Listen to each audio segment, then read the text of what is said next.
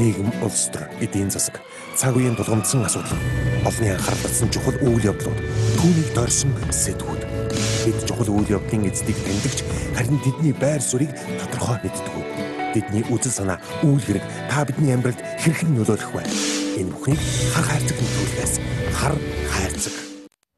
Оройн төргийн хар хайрцаг нөлөөлийн шин дугаар хэлж байна. Монгол улсын өрийн дарамт буурсан уу? Манай улс яагаад жил бүр алдагдaltaй төсөв баталдаг вэ? Банкны хуулинд ямар ямар өөрчлөлт орох вэ? Эдгээр асуултанд Монгол улсын их хурлын гишүүн Амар Төвшин хариулах болно. Хар хайрцаг. За танд оройн төргий.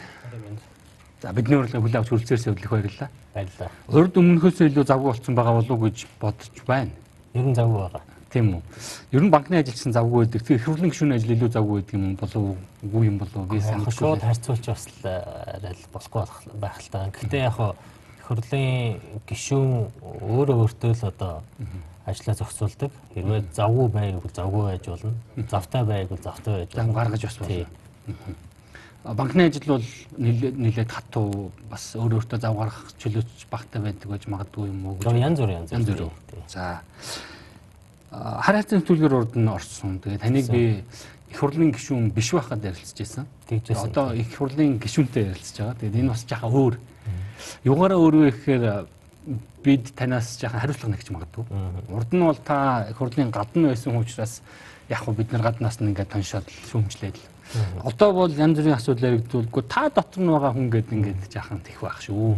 Энэ ч одоо бидний үүрэг таних хариуцлага. Тэгэхээр та бүхний ярианы одоо юу гэдгийг өнгөйс өнгөйс жаахан арай өнгөйс байх бах гэж бодож байна. За ер нь би одоо их хурал цууж үзээгүй юм чи мэдэхгүй үзэгчд маань ихэнх их хурал цууж үзээгүй мэдэхгүй та бол энгийн хүн бай одоо энгийн л одоо бидэнтэй ялгаагүй аль нэг байгууллагад ажиллаж байгаа их хурал цууж үзэж байна. Ер нь ямар байд юм бэ?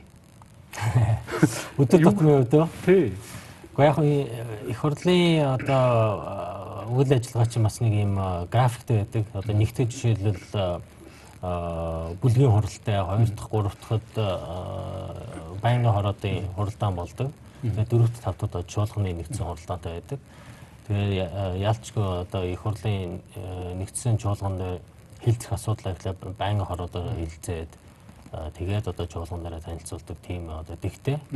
Тэгээд тэр яг энэ графикаараа ингээд ажиллавал үндсэндээ ядуу тэрнээс гадуур мэдээж хэрэг янз бүрийн уулзалт хийн тойргийн тойргийн одоо сонгогчтой уулзсан одоо бизнесийнхэнтэй уулзсан бусад одоо яам тамгын газар агентлгүүд дээр очиж бас танилцах тийм ажил хийдэг.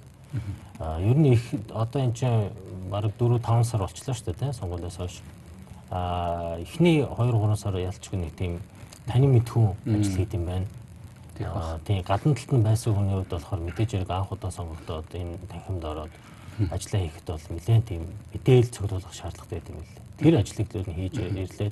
Тэрнээс гадна хажуугаар бас хуулийн төслүүд дээр ажиллаж байгаа. Одоо миний хувьд бол гол банктай холбоотой хоёр хуулийн төсөл байгаа. Тэрийг бол их чухал гэж үзэж байгаа манай нэвтрүүлэг учиргүй нэг шаралдгүй шар зүгийн асуулт асуудаггүй л дээ. Тэгээ нэг яг шарвтар өнгөйстэй асуулт асуучвал. За тэг тэг. Эвгүй биш байх гэж бодож байна. Зарим нэг хүмүүсийн харилцаа өөрчлөгдөж уу? Та ч одоо эрх мэдэлтэй хүн болцсон шүү дээ. Тэгэхээр ийм тийм ажил бүтээлгэх үүднээс ч юм уу. Би бол таныг их хурлын гишүүн болсноос танд хамдаагүй л дээ. Тийм тий. Яг хуу янз бүрийн хүсэлтүүд ирдэг л дээ. Одоо туслаад өгөөч одоо ийм ажилд орох гэсэн ингээд тэр бол өөр энгийн үзэгдэл байхаа л гэж би бодож байна. Мэдээж хэрэг би одоо шууд хүн томилох ямар ч боломж байхгүй. А хэрвээ үнэхээр одоо мэдлэг боловсралтай чадвартай тийм одоо кандидатыг үл тэрийг алиулахаар одоо улс тэрэгтэй тэр албан тушаал дээр нь санал болгох тийм мэдээж хэрэг би бол тэрийг хийх ёстой гэж боддог. А тэгэхээр хүмүүсийн хандлага бол нэг учиргүй өөрчлөгдөж байх юм байхгүй л байна. Сонгогчд нэлээд хүлээлттэй байгаа хаан уул дүүргийнхэн байна. Миний ойлгож байгаагаар. Хаан уул дүүргийнхэн гэлтгүү өөр дүүрэгт байгаа. Гэхдээ бас таныг дэмжижсэн хүмүүс би яг шууд тань саналаа өгөөч гэсэн. Энэ хүн юм хийж чадах байхаа. Шудраг зарчмын төлөө зогсож чадах байхаа энэ төр гээд. За одоогоор бидний мэдж байгаагаар та төсвийн байнгын хороонд байгаа. Эдийн засгийн байнгын хороонд таныг орчоосоо гэж бодож исэн хүмүүс байгаа бах. Надаас эхлүүлээд. Яг тэр төсөв болоод эдийн засаг, банк санхүү болоод эдийн засаг хоорондоо маш их уялдаа холбоотой юм салбар хоёр одоо энэ хоёр байнгын хороонд хоёуланд нь байх нь магадгүй зөвч байж болох юм. ажлыг уялдуулахын тулд та тэнд төр байхгүй. Тий одоо байнгын хоруудын бүрэлдэхүүнд одоо гишүүнээр ажиллах бол нэлээд тийм өрсөлдөөнтэй байд юм лээ. Одоо миний хувьд бол төсвийн байнгын хороонд орсон. Тэр их чухал байсан. Одоо яг а яг одоо одоо 21 оны төсөв яригдж байна. Би бол тооны хүн тоон дээр бас тэрэн дээр ажиллаж байгаа. А эдийн засгийн байнгын хороонд ороогүй гэд би бол оролцохгүй байна гэж байхгүй. Зүгээр гişүүн биш ч гэсэн би хуралдаанд нь оролцоод та орох хүсэл үү? Өгчээсэн тий.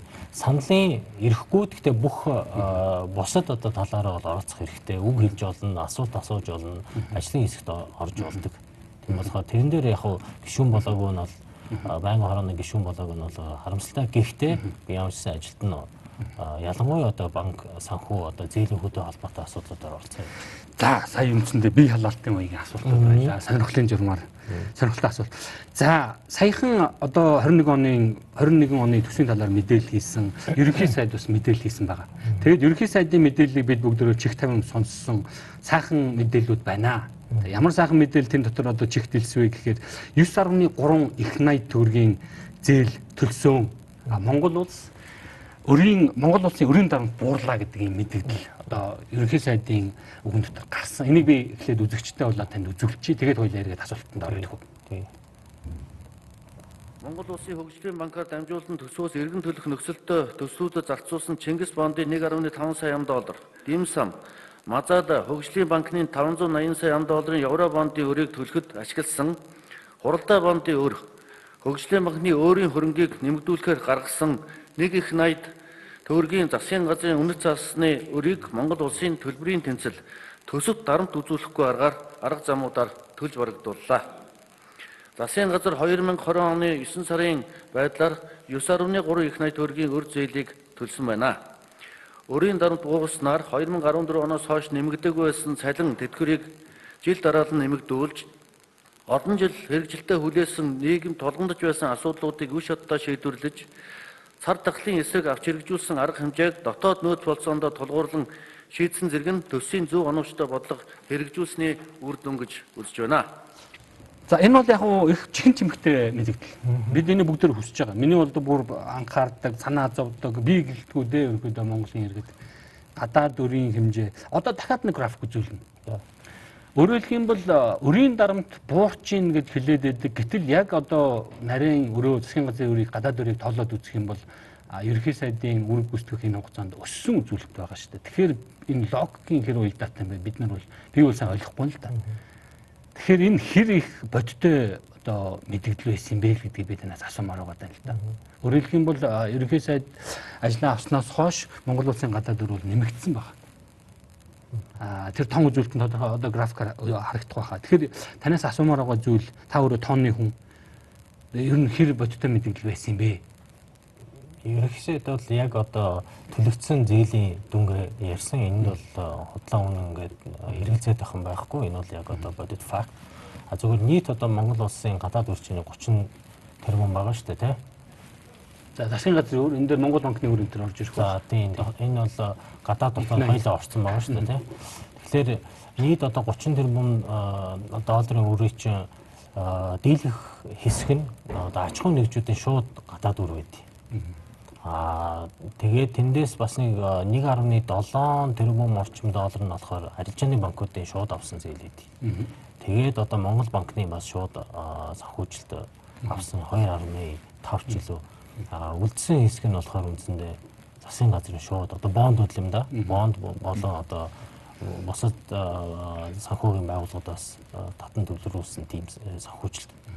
Тэгэхээр мэдээж хэрэг Монгол улс бол хөгжиж байгаа эдийн засаг энэ эдийн засгийг санхүүжүүлэх хэрэгтэй. Дотоодын нөөц бололцоо нь бол хязгаартай. Тэгэхээр энэ дотоодын нөөцийг аль болохоор бид нэр тултал нь ашиглаад үлдсэн одоо санхүүжилтаа яалч гадны үр зээлээр санхүүжилгээс өөр арга байхгүй. Харамсалтай сүүлийн хэдэн жил бид нэр гадаад шууд хөрөнгөөр болтоо нэлээ одоо алдсан. Алдсан. Тийм одоо оюутлогоо бол хамгийн том гадны шууд хөрөнгө оруулалттай тийм төсөл болчиход байдаг. А бусад салбарууд бол үндсэндээ бол шууд хөрөнгө оруулалт ороогүй байж байдаг. Өөрөөр хэлэх юм бол бидний ч гэх юм уу, миний ч гэх юм уу одоо үзэгчдийн төлөөлөлд хэлвэл хардлага бол юу гэхээр манай дарга нар өрийг өрөөр төлчөөд өөрөө л дахид зээл авд төлчөөд тэрийг өр төлсөн гэж одоо гайхуулах юм шигээр яриад идэг, ажил хийсэн юм шигээр яриад идэг. А гэтэл цаанаа бол Монгол улсын гадаад дөр нэмэгдсэн л одоо юу гэдэг үрдэн гараад идэг. А тэгэхээр нэг ийм одоо зүйл давтагдаад байгаа юм биш үсттэй гэдэг үднээс ингэж асуугаад байгаа хэрэг л дээ. Ер нь бол эдийн засгаа өсгөж байгаа л бид нар бол аажим аажмаар энэ үр зээлээсээ сална шүү дээ тийм. Тэгэхээр өрийг өрөөр төлнө гэдэг бол нэг тийм буруу зүйл байхгүй шүү дээ. Америкийн эдийн засаг бол тэр чигээрээ өрийг өрөөр төлж явдаг. Босод одоо орнууд ч гэсэн ямар ч ялгаагүй. Зүгээр ямар өртгөөр ямар хугацаатай санхүүжилтийг босгох чадж байна гэдэг илүү чухал байх. Тийм болохоор саяхан одоо 600 сая долларын бонд гаргасан сангийн яам тэр бондороо За нэгдүгээрт бол 10%-аар э, өмнө одоо гарсан э, одоо хүүгийн зардлаа нэлээд сайн бууруулж чадсан. Хоёрдугаар хугацаагаа сонгосон. Ирэх оны 21 он төлөгдөх ёстой зээлийн бондын иргэн төлөлтийнхээ асуудлыг шийдсэн. Тийм болохоор валютын одоо нөөц дээр ирэх дарамт нь буурсан гэж хэлж болно. Тийм болохоор э, одоо өрийг өрөөр төлнө гэдэг бол яг яс юм дээр бол эдийн засгийн үднээсээ бол буруу зүйл биш биш л дээ. За а зүгээр тэр одоо авсан их усрээ юунд зарцуулж байна? Үнэхээр эдийн засгийн өсөлтөд хэрэгтэй стратегийн ач холбогдолтой юм зарцуулж байна уу? Аль эсвэл өргөн таарна хийж байна уу гэдэг нь илүү чухал асуудал. Тэгвэл гадаад өр за гадаад гэдээ хэлчихээ дотоодын төр зурдаа орхий. За ер нь өр буурчих нь зүйтэй үсттэй. Яг эдийн засгийн мөчлөг болон эдийн засгийн хөгжлийнхаа үе шатнаас л хамаарна манайх шиг одоо өсөж байгаа эдийн засгийнхаа одоо суур дэд бүтцийг бий болгох нэн шаардлагатай энэ үед бид нар бол яалчгүй санхүүжилтийг илүү авахаас өөр арга байхгүй.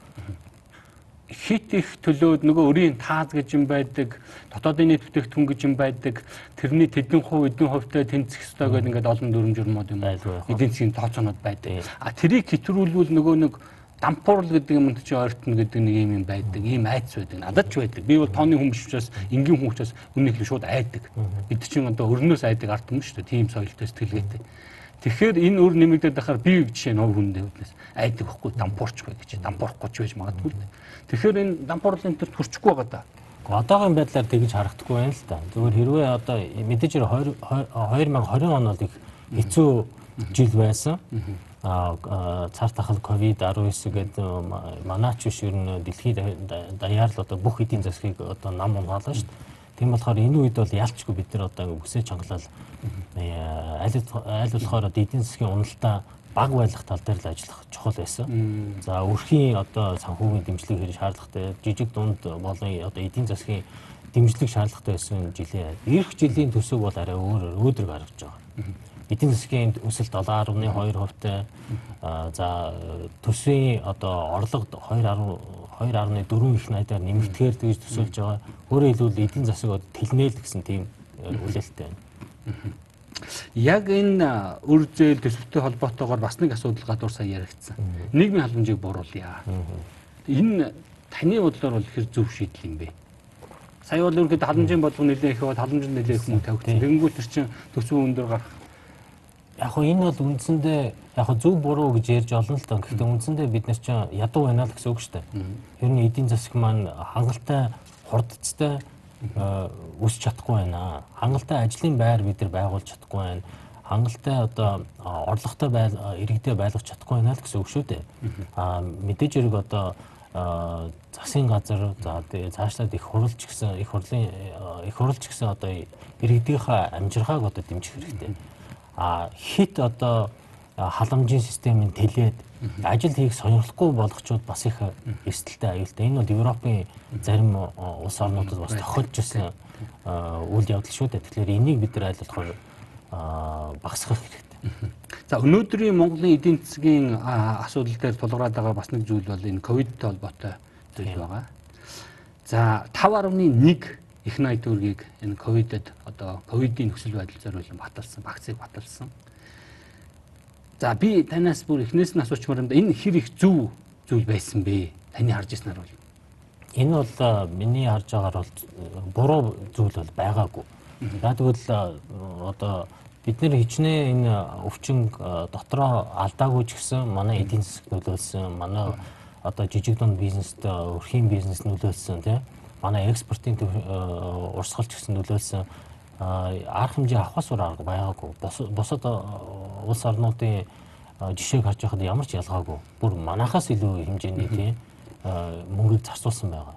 Гэхдээ яг бизнес эрхлэгчдэд аж ахуйн нэгжүүдэд хүнд байдалд ороод байгаа. Тэднэрт одоо нүдээ олсон тусламж болж очиж чадсан юм.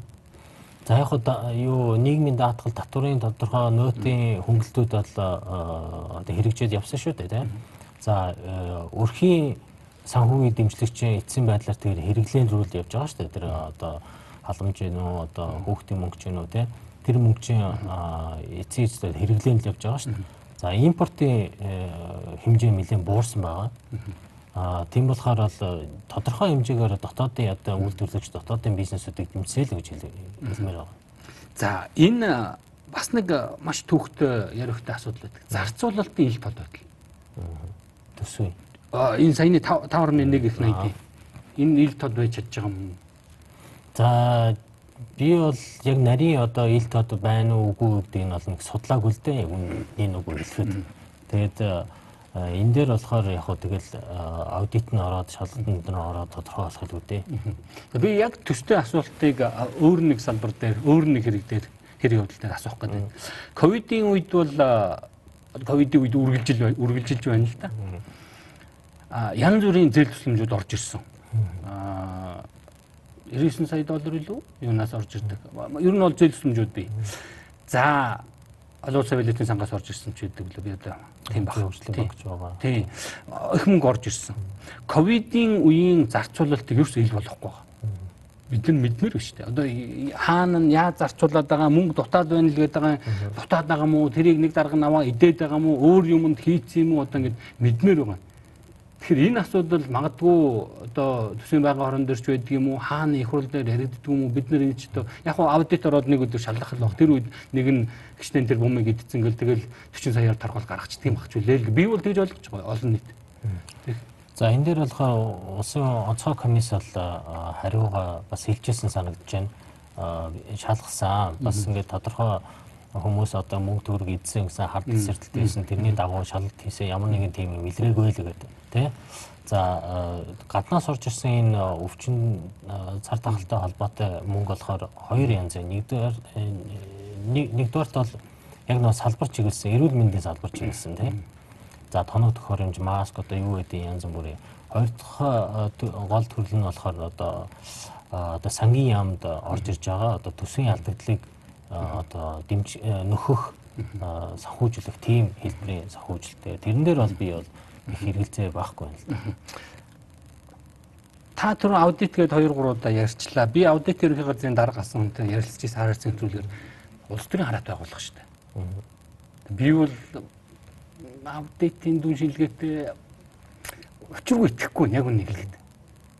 Хэдэн жилийн дараа энэ засаг төр солигдонгууд оо тэр үеийн даргын тэр гээд ингээд ийм хэлдэг л дээ. Тийм учраас их хурлд сууж байгаа та нөхөд маань сайн дарамтчгалт үзүүлж зарчмыг одоо сахиулах тал дээр анхаарч байгаасаа гэдэг үднээс асуусан ярьсан шүү. За энэ ковид их сонирн болоо явчлаа дэлхийд. Аа гэдэг байна. Ер нь их төвхтэй болоо явчлаа. Энд ч одоо бүр эвлэрч явах шиг байна зарим улсаар. Тэгэхээр энэ ковидтай холбоотой эдийн засгийн нөхцөл байдал, олон улсын харилцааны нөхцөл байдал, эдийн засгийн жоохон уналт гэх үү, сааралт, удаашрал гэх үү, энэ нөхцөл байдал ер нь Монголд болоо дэлхийн нийтэд цаашаа жоохон үргэлжилэх нь одоо ингээд алгуур байдлаар Яг нь яг өргөжлөхээр харагдаж байна л да. Яг хятадын эдийн засаг бол нэлээд тийм эрчимтэй өсөд явчлаа. Энэ оны эхний удирдалтын уналтай байсан. Тэрнээс хойш хоёр удирдалт дараалал өссөн. Тийм болохоор хятад тодорхой хэмжээгээр одоо тэр өвчний дархалтыг бол дарж авсан. А гол нь тэгээд бодлогоор эдийн засгаа дэмжиж байгаа. Америкийн эдийн засгийг харахад мөн л өсөлттэй байна. Гэхдээ одоо хоёр дахь давалгаа энэ ковидын хоёр дахь давалгаа эхэлж байна гэж ярьж байна. Тэгэхээр энэний үр дүн эдийн засагт яаж нөлөөлөх вэ гэдгийг бас бид нэр хүлээж харах хэрэгтэй байх. Миний бодлоор бол тодорхой хэмжээгээр сөргөөр нөлөөлж таараа. За их баярлалаа. Хар хайрцаг нэвтрүүлгийн маань эхний хэсэг энэ түрээд өндөрлөж байна. Та бүхэн бидэнтэй хамт байж байгаа. Нэвтрүүлгийн дараагийн хэсэгт бид 21 оны төсвийн тухай ярилцуулна. За 21 оны төсөв гэж их сайхан сэдв байна. Тэгээд төсвийн орлого 11.8 их 80 төгрөг. зарлага 13.9 их 80 төгрөг. Дунд нь энэ 2.2 их 80 төгрөг ингээд төсөө алдагдaltaй төсөө өгөх юм уу да баталсан байж байгаа. Тэгээд би энэ 21 оны төсвийн тухай ярихаас өмнө нэг зүйлийг одоо танин мэдхүн чанартай ч хийж хэлж болно. Асуумаар байна. Өөрөө болоод үзэгчдэд зориулаад. 20 онд бол манайх мөн алдагдaltaй төсөв баталсан. А дээр нь ковидоос болоод төсвийн алдагдал нэмэгдсэн. Тэр төсвийн алдагдлыг яаж нөхөд идэх юм бэ? Одоо эн чин сүйд болж юмарын хаанаас ямар мөнгө олоод төсөв дээрээ тавьчихдгийг 20 20 оныг бид одоо яаж тэр их алдагдлыг нөхөж амь зогоож энэ жилийг барах гэж байна. Төсвийн алдагдал гэдэг чинь үндсэндээ одоо зарлага нь орлогоос давсан л одоо зөрөө шүү дээ тийм. Тэгэхээр ер нь төсвийн алдагдлыг гурван янзаар санхүүжүүлнэ. Нэг нь болохоор орлогоо нэмэгдүүлнэ. Тэгээд зарлагаа багасгах нь. Нэг бол одоо төрийн өмчт янз бүрийн одоо актив зарж мөнгө босгох нь. А аль эсвэл одоо гаднаас юм уу дотоодоос санхүүжилт босгож одоо энэ алдагдлыг санхүүжилт нөхөх тийм арга зам л байна. Тэгэхээр яг 20 20 онд мэдээж хэрэг маш хэцүү байсан. Бид нар ч одоо 3 4 сар одоо ямар ч баг экспортын орлогогүй суулаа тийм. А гэтэл одоо жил болгон сар болгон гардаг урсгал зардал нь гараал гараал явсан. Тэгэхээр энэ орлогын дутагдалт нөхөхийн тулд бид нар тодорхой хэмжээний одоо тодорхой жоох нэлээд тийм том төсвийн алдагдлал хүлээсэн. За энийг бол гадны одоо зээл тусламж тодорхой хэмжээгээр санхүүжүүлээд дотоодын бонд гаргасан. Тэгээд ингээд санхүүжлээ явсан. Ирэх онд бол 2.1 1 их 80-ийн алдагдaltaй төсөв одоо засгийн газар өргөн мэдүүлсэн байгаа. Энэ бол мэдээж хэрэг өнөөдөр одоо 5 5 гаруй их 80-ийн алдагдлаас буурсан. Тэр нь сайн. Гэхдээ алдагдал. Энийг бас мөн л адил одоо нөхөөл явахаас өөр аргагүй байхгүй. Ер нь бол манайх шиг өсөж байгаа эдийн засаг бол ойрын эдэн жил бол алдагдaltaй явах нь бол тодорхой. Яг бол зардал нь орлогоос ямагт одоо дамж явахаас өөр аргагүй юм чинь. Тэгэхээр ойрын жилүүдэд манайх шиг улс бол алдагдaltaй төсөв батлах нь бол буруу зүйл биш ээ гэсэн тийм байр суурьтай байгаа юм ба шүү дээ. Ер нь бол одоо энэ ковидын үед чинь дэлхийд даяар одоо засгийн газрын мэдлэлд байгаа аль ч орны тийм засгийн газрын мэдлэлд байгаа хоёр хэрэгсэл нэг нь болохоор мөнгөний бодлого нөгөөдг нь төсвийн бодлого. Мөнгөний бодлогоор бид Монгол банк сая бодлогын хүүгээ бууруулад 8% болгосон. А энэ болохоор онлайнаар ч гэсэн практик дээр хүү бууруулах юм бол илүү одоо эдийн засгийн идэвхжлэлт болно. Мөнгөний өртөг нь одоо буурахаар эдийн засагт одоо илүү мөнгө нь эргэлдэж одоо хөрөнгө оруулалт олно гэсэн тийм хүлээлттэй те. А хоёр дахь нь болохоор төсөв. Төсвөөр одоо эдийн засгаа дэмжиж бид нэр эдийн засгаа бүр одоо шал түрхэн шүү дээ.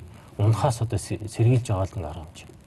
Тэгэхээр энэ бол одоо юу гэдгийг онлын хувьд гэх юм уу байх ёстой зүйл байх нь шүү дээ. Өөрөөр хэлбэл тийм буруу зүйл биш байх нь шүү дээ. А зүгээр бид нар хит одоо нэг нь л одоо мөнгө зоос нь ховор байгаа юм бол тэр зарцуулалт дээр л илүү анхаарах хэрэгтэй. Юунд зарцуулж байна?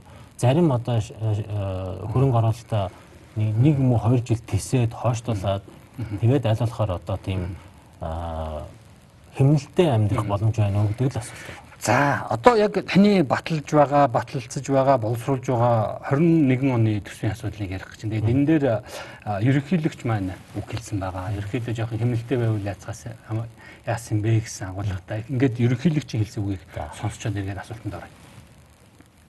Нутгийн өдөрлгүүд шийдвэрлэх асуудлынхаа эренбийг ойлгохгүй, огт шаардлагагүй буруу зүйлсэд төсвийн хөрөнгийг өрн таран хийсээр байна аймаг сумын төсвийг иргэдийн өмнө тулгамдсан асуудлуудыг шийдвэрлэх энэ тэргуун чиглүүлэх зарцуулах ёстой баймар байдаг. Гэтэл асар үнэтэй аврах том гоёмсог хаалга барихыг чухалжилж байх жишээтэй. Хамаг хөрөнгө ийм дэмий зүйлд үрж байгаа нь үнэхээр харамсалтай байна. Энд би Орхон аймгийг онцлон дурдах гэж байна. Шинээр баригдаж байгаа цэцэрлэг түрээлэнгийн хаалга гихтэл 140 сая төгрөгийн өртгөр болсон байх татвар төлөгчдийн мөнгийг ингэж дур зоргоороо үрж болохгүй байхаа. Би өвдөө үүнийг дээр доргүй сөрөг хүчний ямар ч хяналтгүй болчихсон олонхоороо төрөмгийлж асуудлыг шийддэг болчихсны үр дагавар гэж харж байна. За, ер нь бол чухал үг. Аа одоо энийг бид нэр дэмжихгүй буруу гэж хэлэх аргагүй. 21 оны төсөвт ялангуяа таны оролцсон баталж байгаа боловсруулж байгаа энэ төсөлд саяны ерөнхийлөгчийн үгэндээ дурдсан шиг ийм одоо үрэлгэн маягтай гэх юм уу? Эсвэл алдаа дутагдал хүү? Аа. Зарим аймагт бол одоо юу гэдгийг тэр багтаамжаас нь илүү одоо юу гэдгийг хүүхдийнх нь одоо тэр багтаамжаас илүү томцсон дотор байр энэ төр барьчихсан байж байгаа шүү дээ. Тэгэхээр иймэрхүү одоо үрэлгэн төсөв батлагдахгүй байхаа гэж бид хүлээж байгаа. Яг би бол энэ 21 оны төсвүүдээр бас өөрийнхөө байр суурийг тодорхой хэмжээгээр одоо илэрхийлсэн. Ер нь бол жоохон шүүмжлэлтэй хандж байгаа. Одоо ерөнхийлөгчөө хэлж байгаа юм бол ор үндэслэхгүй биш ээ. Биш. Ер нь бол тэгээд би хувийн хвшилд ажиллаж байсан өнөөдөр бид нар ч гэсэн компани ямар нэгэн байдлаар эдийн засгийн одоо уналтын өмчлөгөд ороход ингээд хэмнэлтийн горимд ордог. Зарим хөрөнгө оруулалт санхүүжилтөд одоо хойшлуулдаг. Тэгэхээр төсвүүдээр бид нар бас ингэж хандмаар байгаа. Би бол яг төсвийн одоо нарийн тоонуудаар яг ажиллаж байна л да. Тэгэхээр эхний байдлаар харахад бол үнэхээр одоо зарим орон нутагт одоо соёлын төв, спортын одоо төв энэ төр барих шаардлага байна уугүй те. Энэ жилдээ, энэ жилдээ, хоёр жилдээ чинь одоо үнэхээр бид нар одоо экспортынхаа урсгалыг нэмэгдүүлж гаднаас одоо мөнгө төгрөг орлогоо нэмэгдүүлэх тал дээр илүү чухалчиж ажиллах хэрэгтэй байна. Импортоор оруулж иж байгаа их цахилгаан их хэмжээний цахилгаан байгаа. Тэрэн дээр одоо яаралт олон жил ярьсан тэрийг яаралт бас шийдэх шаардлагатай байна. За тэгээд э, одоо улсын чухал чухал гэж үзсэн дэд бүтцтэй бид яалтчгүй одоо хойшлолгүй хөрөнгө оруулалт хийх нь зайлшгүй шаардлагатай. За тэгээд тойргийн юм уу дүүргийн хэмжээнд ярих юм бол одоо жишээл хамуул дүүрэгт бол маш хүнд хэцүү асуудал нь болоо цэцэрлэг сургуулийн асуудал. Цэцэрлэг ерөөсөө сүүлийн хэдэн жил шинээр баригдаагүй байгаа цэцэрлэгүүд нь бүр одоо ачаал дийлгүй төвшөнд хүрсэн.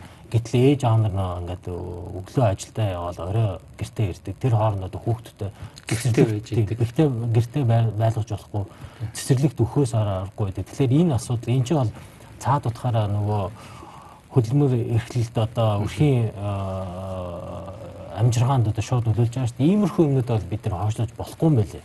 Харин одоо зарим шаардлагагүй одоо эдийн засаг шууд өнөө маргаашгүй нөлөө үзүүлэхгүй тийм хөрөнгө оруулалтаа бол хойштууд бол энэ хойшлуулмаар харагдаад байна. Энд нэг дүүрэгт хүүхдүүд нь цэцэрлэг сургуульд багтахгүй байхад тэнд нэг суманд хүүхэдгүй газар том цэцэрлэг сургууль барьсан баг ч гэдэг энэ одоо манай улсын ажил. Тийм.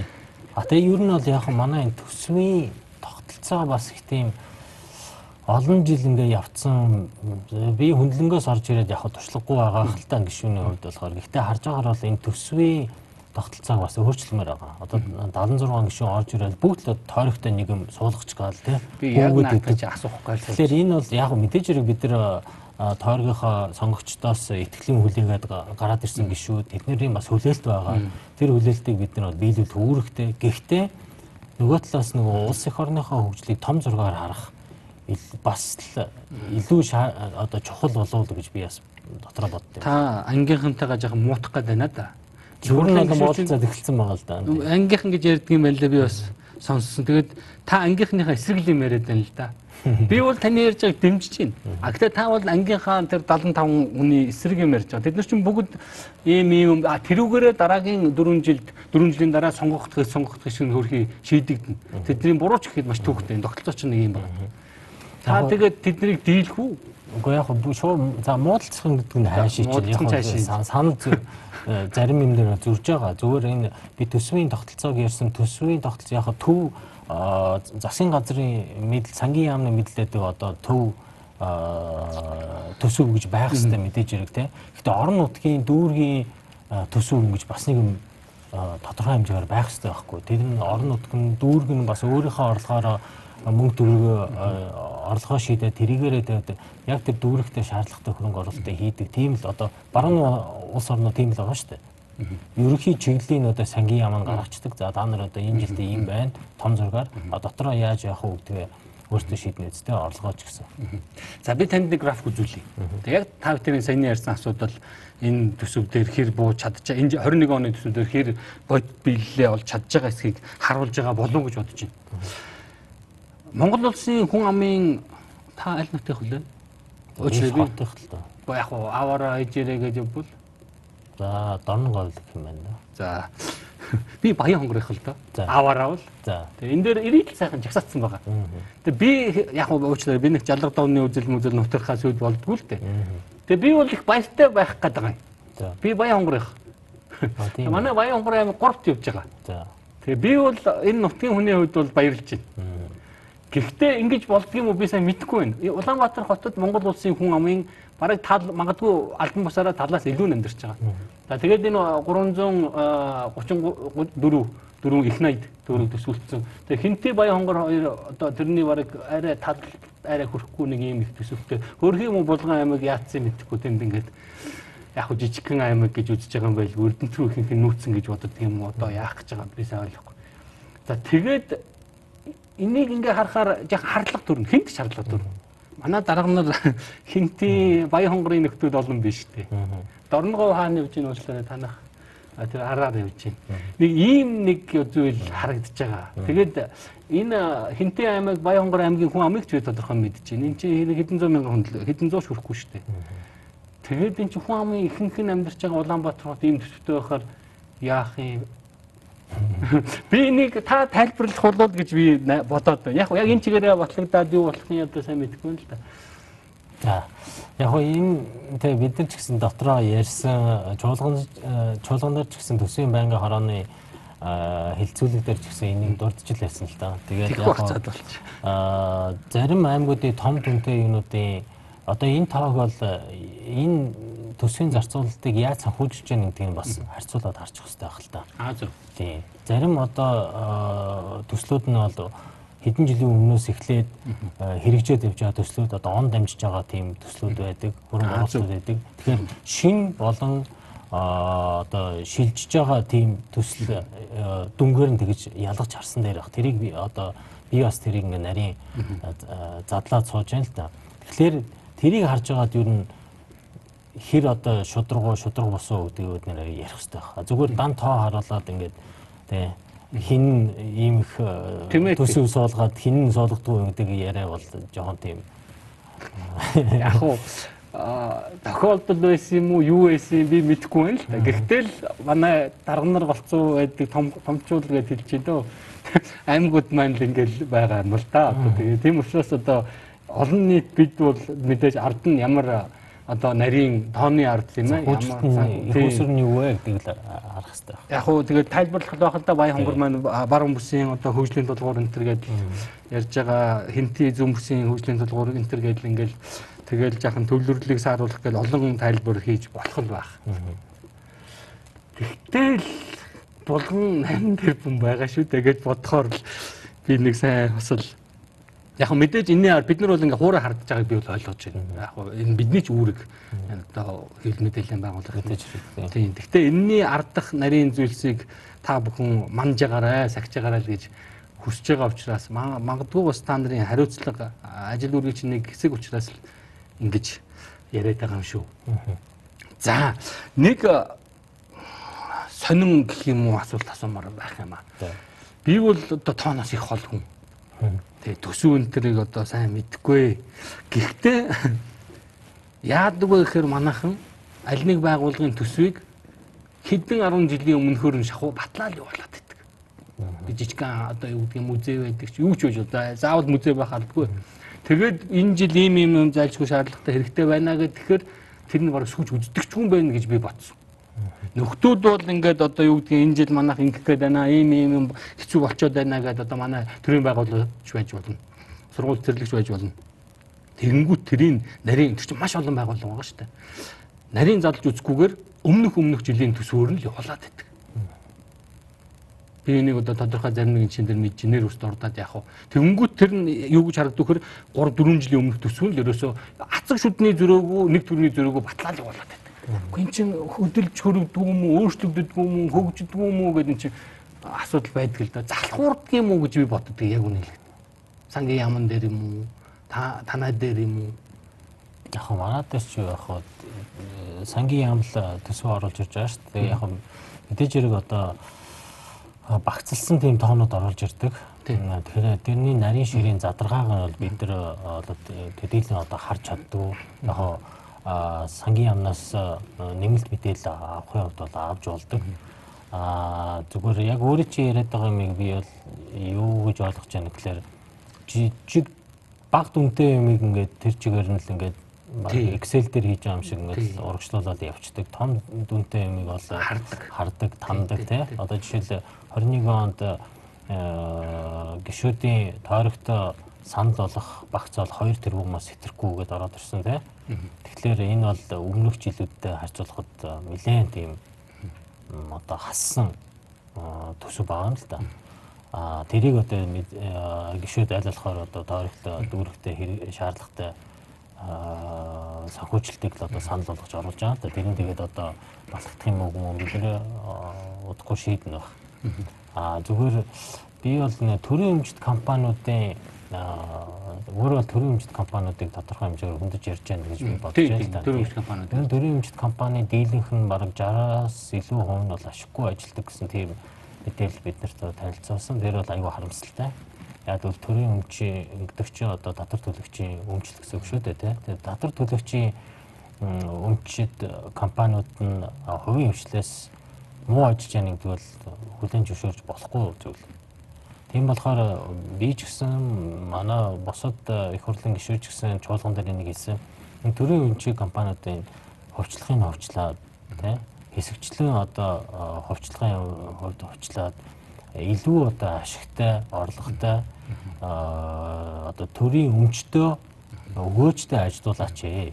Энэ олон хүмүүсийн цалин тий хөрөнгө оруулалт одоо зарим төрийн өмчт компаниуд одоо а, улсын төсөөс гадуур төсөв болчиход байна шүү дээ. Тий. Тэгэл нэг олсон орлогоороо туудсан ч юм уу захирлын шийдээл ингээл хөрөнгө оруулалт хийгээл яваад байдаг. Энэ бас байж болохгүй байхгүй. Нэг л төрийн өмчин бол тэр төрөн дээрээ удирдаад зарцуулаад захир одоо э, зарцуулаад явах хэрэгтэй байхгүй. За бид нэр төсвийн сахилга бат гэдэг зүйлийг их олон жил ярьж байгаа. Тэгээд энэ Монгол улсын хөгжил ер нь олон зүйлд энэ санхүүгийн сахилга бат их чухал байдаг юм байна гэдгийг нь олон нийт ойлгоод эхэлсэн байгаа. За та өөрөө банкны салбарт ажиллаж исэн хүн. Миний бодлоор бол санхүүгийн одоо сахилга бат их сайтай газруудын нэг болов уу гэж би ойлгож байгаа банкуудыг. Та өөрөө хувь хүний үүднээс олон нийтэд тэгж танигдчихад байгаа. Сахилга баттай хүн гэж. Төсвийн ч байна уу. Тэгэхээр энэ төсвийн сахилга бат гэдэг зүйлийг ер нь бид яаж цаашаа бий болгож төлөвшүүлэх ёстой юм бэ? А ер нь бид ямар хэмжээний сахилга батгүй төсөвтэй юм бэ? Энэ төсвийн сахилга бат гэдэг чинь одоо юу гэдгийг зарлага нь нийт дотоодын нийт бүтээгдэхүүнээс тэдэн хуваас хэтэрж болохгүй нийт өр нь одоо тийм одоо хязгаар хэмжээнд байна гэсэн тийм тэгээд а тийм орлого нь одоо тийм хэмжээ одоо өсөж явах хэрэгтэй гэсэн янз бүрийн үзүүлэлтээр л дүгнэ штэ. А бидний хувьд болохоор ер нь бол тодорхой хэмжээгээр нэг ахиц гарсан. Яг тэгвэл өмнө чи ингээд улсын төсөв байсан. Тэгээ хажуугаар нь баахан ингээд хөгжлийн банк энэ төр ингээл 2 3 өөр төсөв байдаг гэсэн. Тэрэгээрээ баахан мөнгө төгрөг гаднаас дотоодоос босгоод хөрөнгө оруулалт хийж яан ингээл зээл хөрөнгө тараагаал гэдэг гэсэн. Тэрийг бол боловсон байгаа. Одоо сангийн яам бүгдийг нь одоо базаад явж байгаа гэж хэлж болохоор а зөвхөн сахилга батын хувьд болохоор сангийн яам л улс төрийн нөлөөнд орохгүй яг Монгол улсын дунд бөгөөд урт хугацаанд хөгжлийн бодлогынхаа дагуу төсвийнхаа бодлогыг явуулах нь маш чухал. Энэ л одоо бидэд ирээдүйд бол төсвийн сахилга батыг авчирна. Тэгж чадж байгаа юу? А ер нь бол тэр чиглэлд явж гэнэ гэж би харж байгаа. Одоо би бид нар ч гэсэн гişүүдийн хувьд одоо сангийн яамтай харьцаж байхад бол нэлээ хатуу байр суурьтай юм билээ сангийн яамныхан. Одоо тим юм зөвшөөрөн тим юм зөвшөөрөхгүй гээл те. Тэгээ ер нь бол яамдуудын төсвийг ч гэсэн аль болохоор танах тал дээр ингээл шахаад ажилтдаг юм билээ л дээ. Гэхдээ л хэцүү хувьд бол хэцүү. Яг одоо хүссэн хэмжээнд бол тэр төсвийн сахилга бат нь хүрээгүй байх л гэж бодож байна. Одоо жишээл засгийн газар саяхан 10 сарын ихээр нөө ийм Монгол ингээд захим төрийн системийг нэвтрүүллээ шүү дээ. Энэ бол маш том сахилга батын сахилга батын одоо ил тод байдлыг захимжуулсан тийм систем болж байгаа хгүй. Төсвийн хувьд энэ ямар үр дагавартай гэхээр энэ энэ олон төрийн үйлчлэгийг захим болгонгууд зарим одоо төрийн албаа хаагчдын орон тоог бол цөөлөх боломж гарахгүй. Өөрөөр хэлбэл бид нар усгал зардлаа хэмнэ, тань. Тэгэхээр энэ хэмнэх танах ажлаа бол үргэлжлүүлэл хийх хэрэгтэй. Ер нь бол би бол чуулган дээр ч гэсэн энийг хэлсэн. Ер нь манай төрчин аюул анхаарана. Хит олон хүн ажиллаж байна. За тэгээд одоо энэ төрийн томилгоо одоо сайд юм уу одоо юу дарга сайдгаар солигдохоор л ингээл бүх хүмүүсийн солигддог шин томилгоо хийдэг доторгүй байдал нь бас биднэрт бол аюул хор нөлөөтэй л байна. За их баярлалаа. Нэвтрүүлгийн маань хоёр дахь хэсгийн түрээд өндөрлөж байна. Нэвтрүүлгийн дараагийн хэсэгт бид банкны хуулинд ямар өөрчлөлт орох талаар зочинтойгоо ярилцах болно. За нэг их чухал зүйл байна. Банкны хуулийн өөрчлөлт. Тэгээд танаас бол бас нэлээд хүлээлт байна бидэнд. Ер нь ямар ямар одоо томоохон өөрчлөлтүүд хийх тэгэхээр байна. Сая бол 8 сард байна те ээлжид бас чуулганаар бид нар зээлийн хүүг бууруулах стратегийн тогтоолыг баталсан. Тэрний дагуу сая 10 сарын 1-ээс 8% ипотекийн хөтөлбөр маань 8% биш 6% болж одоо буурсан. Одоо энэ ондоо багтаад Монгол банк жижиг дунд бизнес зориулсан бас 230 тэрбум төгрөг хүртэлх тийм их усрыг арилжааны банкудаар дамжуулж жижиг дунд бизнес дэмжиж хүүгийн одоо зардлын бууруулах тийм арга хэмжээ авна. А одоо яригдж байгаа том төсөл хуулийн төсөл бол банкны тухай хууль нэмэлт өөрчлөлт яг нэлээд олон тийм нэмэлт өөрчлөлт байгаас одоо гол өөрчлөлт нь юу гэхээр энэ банкуудын арилжааны банкуудын эзэмшлиг ил тод болгоё. Нэг юм уу хоёр хүний гарт байдаг банкуд биш. Аль болохоор одоо тэр эзэмшлийн одоо ингээд тараан тий тарааж удирдлагын хараат бус байдлыг хангая гэсэн тийм одоо үзэл баримтлал байгаа. 20% гэсэн тийм тоо явж байгаа. Өөрөөр хэлбэл нэг хуулийн этгээд юм уу хувь нь арилжааны банкын нийт одоо гаргасан зарласан хувьцааны 20%-аас одоо дээш хувийг эзэмшихийг хориглоно гэсэн. Өөрөөр хэлбэл энэ бол манай арилжааны банкуд хувьцаат компани, нээлттэй компани болоод болоод хувьцаагаа бирж дээр ч юм уу одоо өөр одоо хөрөнгө оруулагчид арилжаач одоо худалдана гэсэн үг. Аль эсвэл одоо банкуд хоорондоо нийлж хоёр банкын хувьцаа эзэмшигчний хоорондоо одоо хувьцаагаа солилцож одоо хуваа бууруулна л гэсэн үг. Тэгэхээр энэ бол нэг тийм гол санаа нь а зүгээр бид нар энэ банкны тухай хуулиар ямар одоо үр дүнд хүрэх гээд байна гэхээр энэ банкуудын эзэд нь одоо банкныхаа үйл ажиллагаанд шууд уу шууд бос утгаар ингээд оролцож шийдвэр гаргалтанд оролцож одоо сая ингээд нэг банкад капитал банкад дампуурлаа штэ. Тэнд бол ялцчгүй одоо тийм удирдлагын хараад бус байдал нь алдагдсан тийм хувь нийлэгчдээс нөлөөсөн тийм хардл сэрдэлт байгаа хгүй зээлийн зээл зээлийн шийдвэр дээр нь тэгээд тэр зээл нь төлөгдөхгүй болонгууд нөгөө банк нь ингээд умчдаг. Тэгэхээр энэ байдлыг одоо өөрчлөё. Ер нь бол гэхдээ одоо зээлийн хүүтэй холбож холбож ярих юм бол энэ зээлийн хүү яаж буурна гэхээр нэгдүгээрт банкуд хоорондоо илүү ингээд ширүүн өрсөлдөг болдог. Хоёрдугаарт банкны одоо гол их үүсвэр э, болох хадгаламж хадгаламжтай өрсөлдөг тийм санхүүгийн зах зээлийн хэрэгсэл гарч ирэх хэрэгтэй. Тэр нь бол бирж байж болно тий. Компаниуд шууд бонд гаргаж болно. Бусад үнэт заасны хэлбэртэй байж болно. Тэгэхээр өөрөөр хэлбэл үнэхээр одоо мөнгөтэй төгрөгтэй тэр одоо их хэмжээний хадгаламжтай хүмүүсийн буруу гэж бас байхгүй шүү дээ тий. Одоо бизнесээ хийгээд ашиг олоод тэрийг банкнд байршуулад хүү авч байгаа нь бол хааж альж усад байдаг зүйл. А зүгээр манай хувьд болохоор нийт санхүүгийн зах зээлийн 90 хүн банкны салбар болчиход байдаг. Үлдэгдэл нь болохоор нэг тийм бирж одоо даатгалд банк болсон гэдэг өчүүхэн жижигхэн. Тэгэхээр энэ 10% илүү том томруулъя. Юм бол одоо компаниуд ч гэсэн ашигтай. Заавал банкн дээр очиж зээл хөсгөө шууд одоо би юм зах зээл дээр гараад бондо босгоод тий санхүүжтэй ингээд босгодог тийм одоо хэлбэр рүү орё л гэсэн тийм юу байгаа. Яаж тийм хэлбэр рүү орох вэ? Тэгэхээр нэгдүгээрт санхүүгийн зохицол хороогийн ач холбогдол айгүй өндөр болж байгаа. Санхүүгийн зохицол хороог бол би нэлээд шүүмжилдэг байсан. Ер нь бол тэнд л ингээд бичиг цаасны ажил хийдэг. Яг одоо хөрөнгийн зах зээлийг хөгжүүлэхдээ туршлагатай хүн маш ховор хий гэсэн хүсэлтэй хүн ч гэсэн маш ховор байдаг юм шиг санагддаг байсан. Тэгэхээр одоо энэ дээр өөрчлөлт хийгээд аль болохоор энэ компаниудаа тэр мөнгө төгрөг босгох дээр нь дэмжлэг үзүүлдэг. За даатгалын компаниуд ингээд өөрийнхөө нөөцийг одоогийн үйлчилж байгаа журмаар зөвхөн аржааны банкуд дээр мөнгө байшилж байгаа. Яагаад одоо бирж дээр хөрөнгө оруулж болдгоо? Яагаад одоо банк бусад байгууллагуудын бонд энэ төр худалдаж авч байдаг? Энийг одоо бид ингээ хөгжүүлэх хэрэгтэй байна. Та банкны захирал байсан хүн. Сая капитал банк унчлаа. Банкны захирал байсан хүн нь байцаагдаж байцаагдаж 40 сая төгрөгийн тоогоол төлөөд гарах гэж байгаа шиг байна та банкны захирал байсан хүн банкны захирлаа өмөрөх юм уу яах юм би мэдэхгүй байна л да. А өмнөдөө бол улсад маш хэмжээний хохирлож ирсэн. Өмнөдөө харамсалтай. Тэтгэвэр тэтгэмж төр нийгмийн даатгал одоо бүр хэлж ярих юм. Тэгээд л 40 сая төгрөг төлөөд л ингээд болцсон. Тэгээ энийг энгийн иргэд бид бол юм нэг сайн ойлгоогүй. Гүн чата хайш юм. Тэгээ тэр захирлын чинь буруу биш байсан юм. Тэгээ тэр их мөнгө чинь улс хохирол үлдэх юм татвар төлөгчд хохироод үлдэх юм. Яг гоо таны хэлж ярьж байгаа би маш сайн ойлгож байна. Ийм зүйл дахиж тавтагдахгүй байх өөрчлөлтүүд одоо орох юм байна гэдгийг.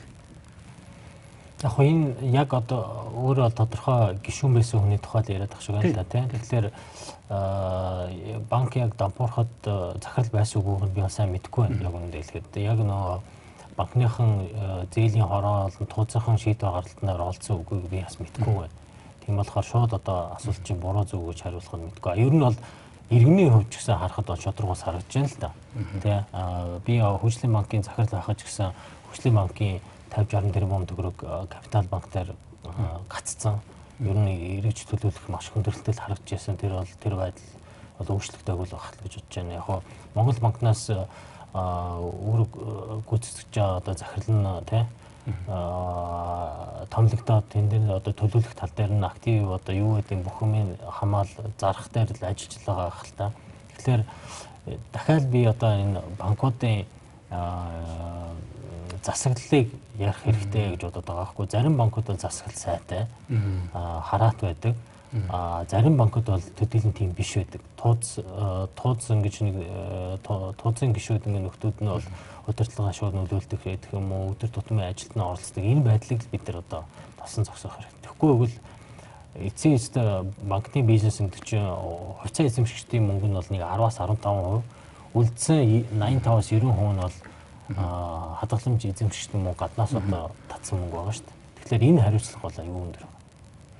За банкыг нэг зориудаар дампууруулдаг явдал байдаг юм уу? Дарга нар уучлаарай би дарга нар гэж хэлчихье одоо. Тэгээд ард нь тэр их мөнгө хайцсан, хувааж идсэн юм уу одоо мэдэхгүй байна. Тэгээд ял шийтгэл болохоор хариуцлага одоо юу гэдгийг үрэх хүн байхгүй. Та за уучлаарай нөхдүүдэд маань бол 40 сая юу ч биш шүү дээ. Надад бол Тэр их тэр бумыг нааш чааш нь болгочоод ингээд гараад ирэхээр ямар хардлага нийтийн дунд бий болчиход байна нөхөр ард нь манай дарга нар байгаа юм шүү нөгөө их олон тэр бумыг чинь манай сайчвал зогт нийлээд зогтсон тэгээд нэг нэгэ явуулж хагаад 40 сая төгрөгөөр торгуулад өвтөйхэн буцаага суглаа авч байгаа мөн гэдэг л ийм хардлага зэрэгтэй бид үлдчихэд байна л та. Хүндэлтэй нэр ярих юм бол. Тэгээд Гэхдээ тэгээд ингээд цаашдаа яваад байх юм уу гэдэг асуудал. Байна. Аа тэгээд ингэж одоо үүдгийн улс төрийн юм уу зориудаар банк дампууруулж мөнгө завшдаг ийм явдал ер нь байдаг юм уу? Яг байдаг байсан байж магадгүй. Би өмнөөр яг хэлж мэдгүй. Яг тэгвэл ингээд нэг тийм сэтгэлийн хөөрөл юм уу? Одоо сошиалын мэдээлэлээр мэдээлэл онцгой юм ярих бол бас бас зохимжтой биш л ахaltaа зүгээр мөнгө бол мөртөө байдаг. Тэ мөр үлдээдэг мөнгө байхгүй. За баярлалаа. Тэгээ тэр мөнгөний одоо гүйлгээний тэр мөнгөний шийдвэр гаргал те тэр одоо зарцуулалтыг харахад л одоо бүх юм тодорхой болно шүү дээ. За хамгийн сүүлийн асуулт маш товчхон хариулаарай. Нэвтрүүлэг маань дуусч байна. Гадны банк оруулна оруулахгүй гэдэг асуудал Монголд их яригдсан. Тэгээд энэ одоо хуулийн өөрчлөлтөн дээр энэ асуудал яаж орж ирэх вэ? Ер нь гадны банкыг оруулж ирэх нь зөв юм уу, буруу юм уу? Яг банкны тухай хуульд яг гадны банк гэсэн заалт зүйл заалт бол байхгүй. А зүгээр энэтэй холбоотой хөрөнгө оруулалтын банкны тухай хууль гэж өмнө өргөн бариад тэгээд ерөөсөө шийдэгдэж хилцээгүй тийм хуулийн төсөл бол байгаа. Тэрийг бол би эргэж харъя гэж бодож байгаа. Ер нь бол манай банк нь Манайх шиг одоо юу гэдгийг гадны банк оролцоогүй эдийн засаг байхгүй хаа л гэж би бодож байна дэлхий дээр тий. Даашиг хятад бол нэлээд тийм чанга зохицуулттай байдаг банкны салбарт бол гадны банкуд ороод ирсэн л жишээтэй тий.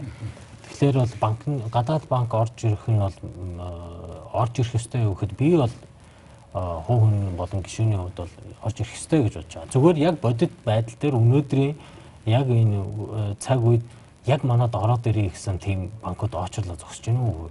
Яг манайх шиг 3.3 сая хүн амтай зах зээл дээр орж ирээд ашигтай ажиллах тийм сонирхолтой банк байна уугүй гэдгээр бид нар бас тунгааж бодох хэрэгтэй байна. А ер нь бол тэгтээ тэр гадны банк орж ирэх хуульцсан хувьд бол тий а боломжийг олох хэрэгтэй гэхэд би бол олох хэрэгтэй гэж бодож байна. Bank of China байсан ч хамаагүй юу? Гэхдээ тэрэн дээр тэгэл миний ойлгосноор одоо үндэсний аюулгүй байдлын э, одоо бас нэг бодлого те байд юм шиг байгаа.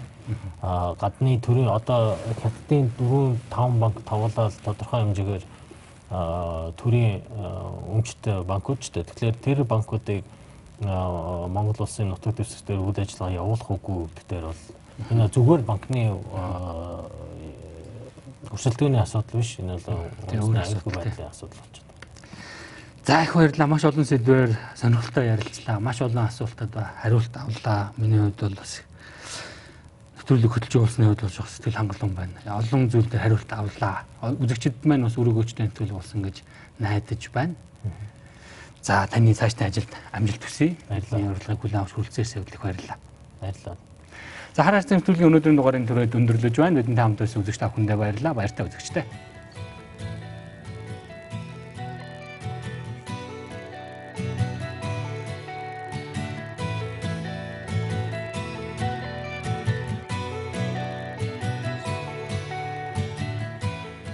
Нийгэм улс төр эдийн засаг. Цаг үеийн тулгамдсан асуудал. Олонний анхаарал татсан чухал үйл явдлууд. Түүнийг дорсон сэдвүүд. Бид чухал үйл явдлын эздийг тэмдэгч харин тэдний байр суурийг тодорхой мэддэг. Тэдний үзэл санаа үйл хэрэг та бидний амьдралд хэрхэн нөлөөлөх вэ? Энэ бүхнийг хар хайрцаг нөлөөлөхөөс хар хайрцаг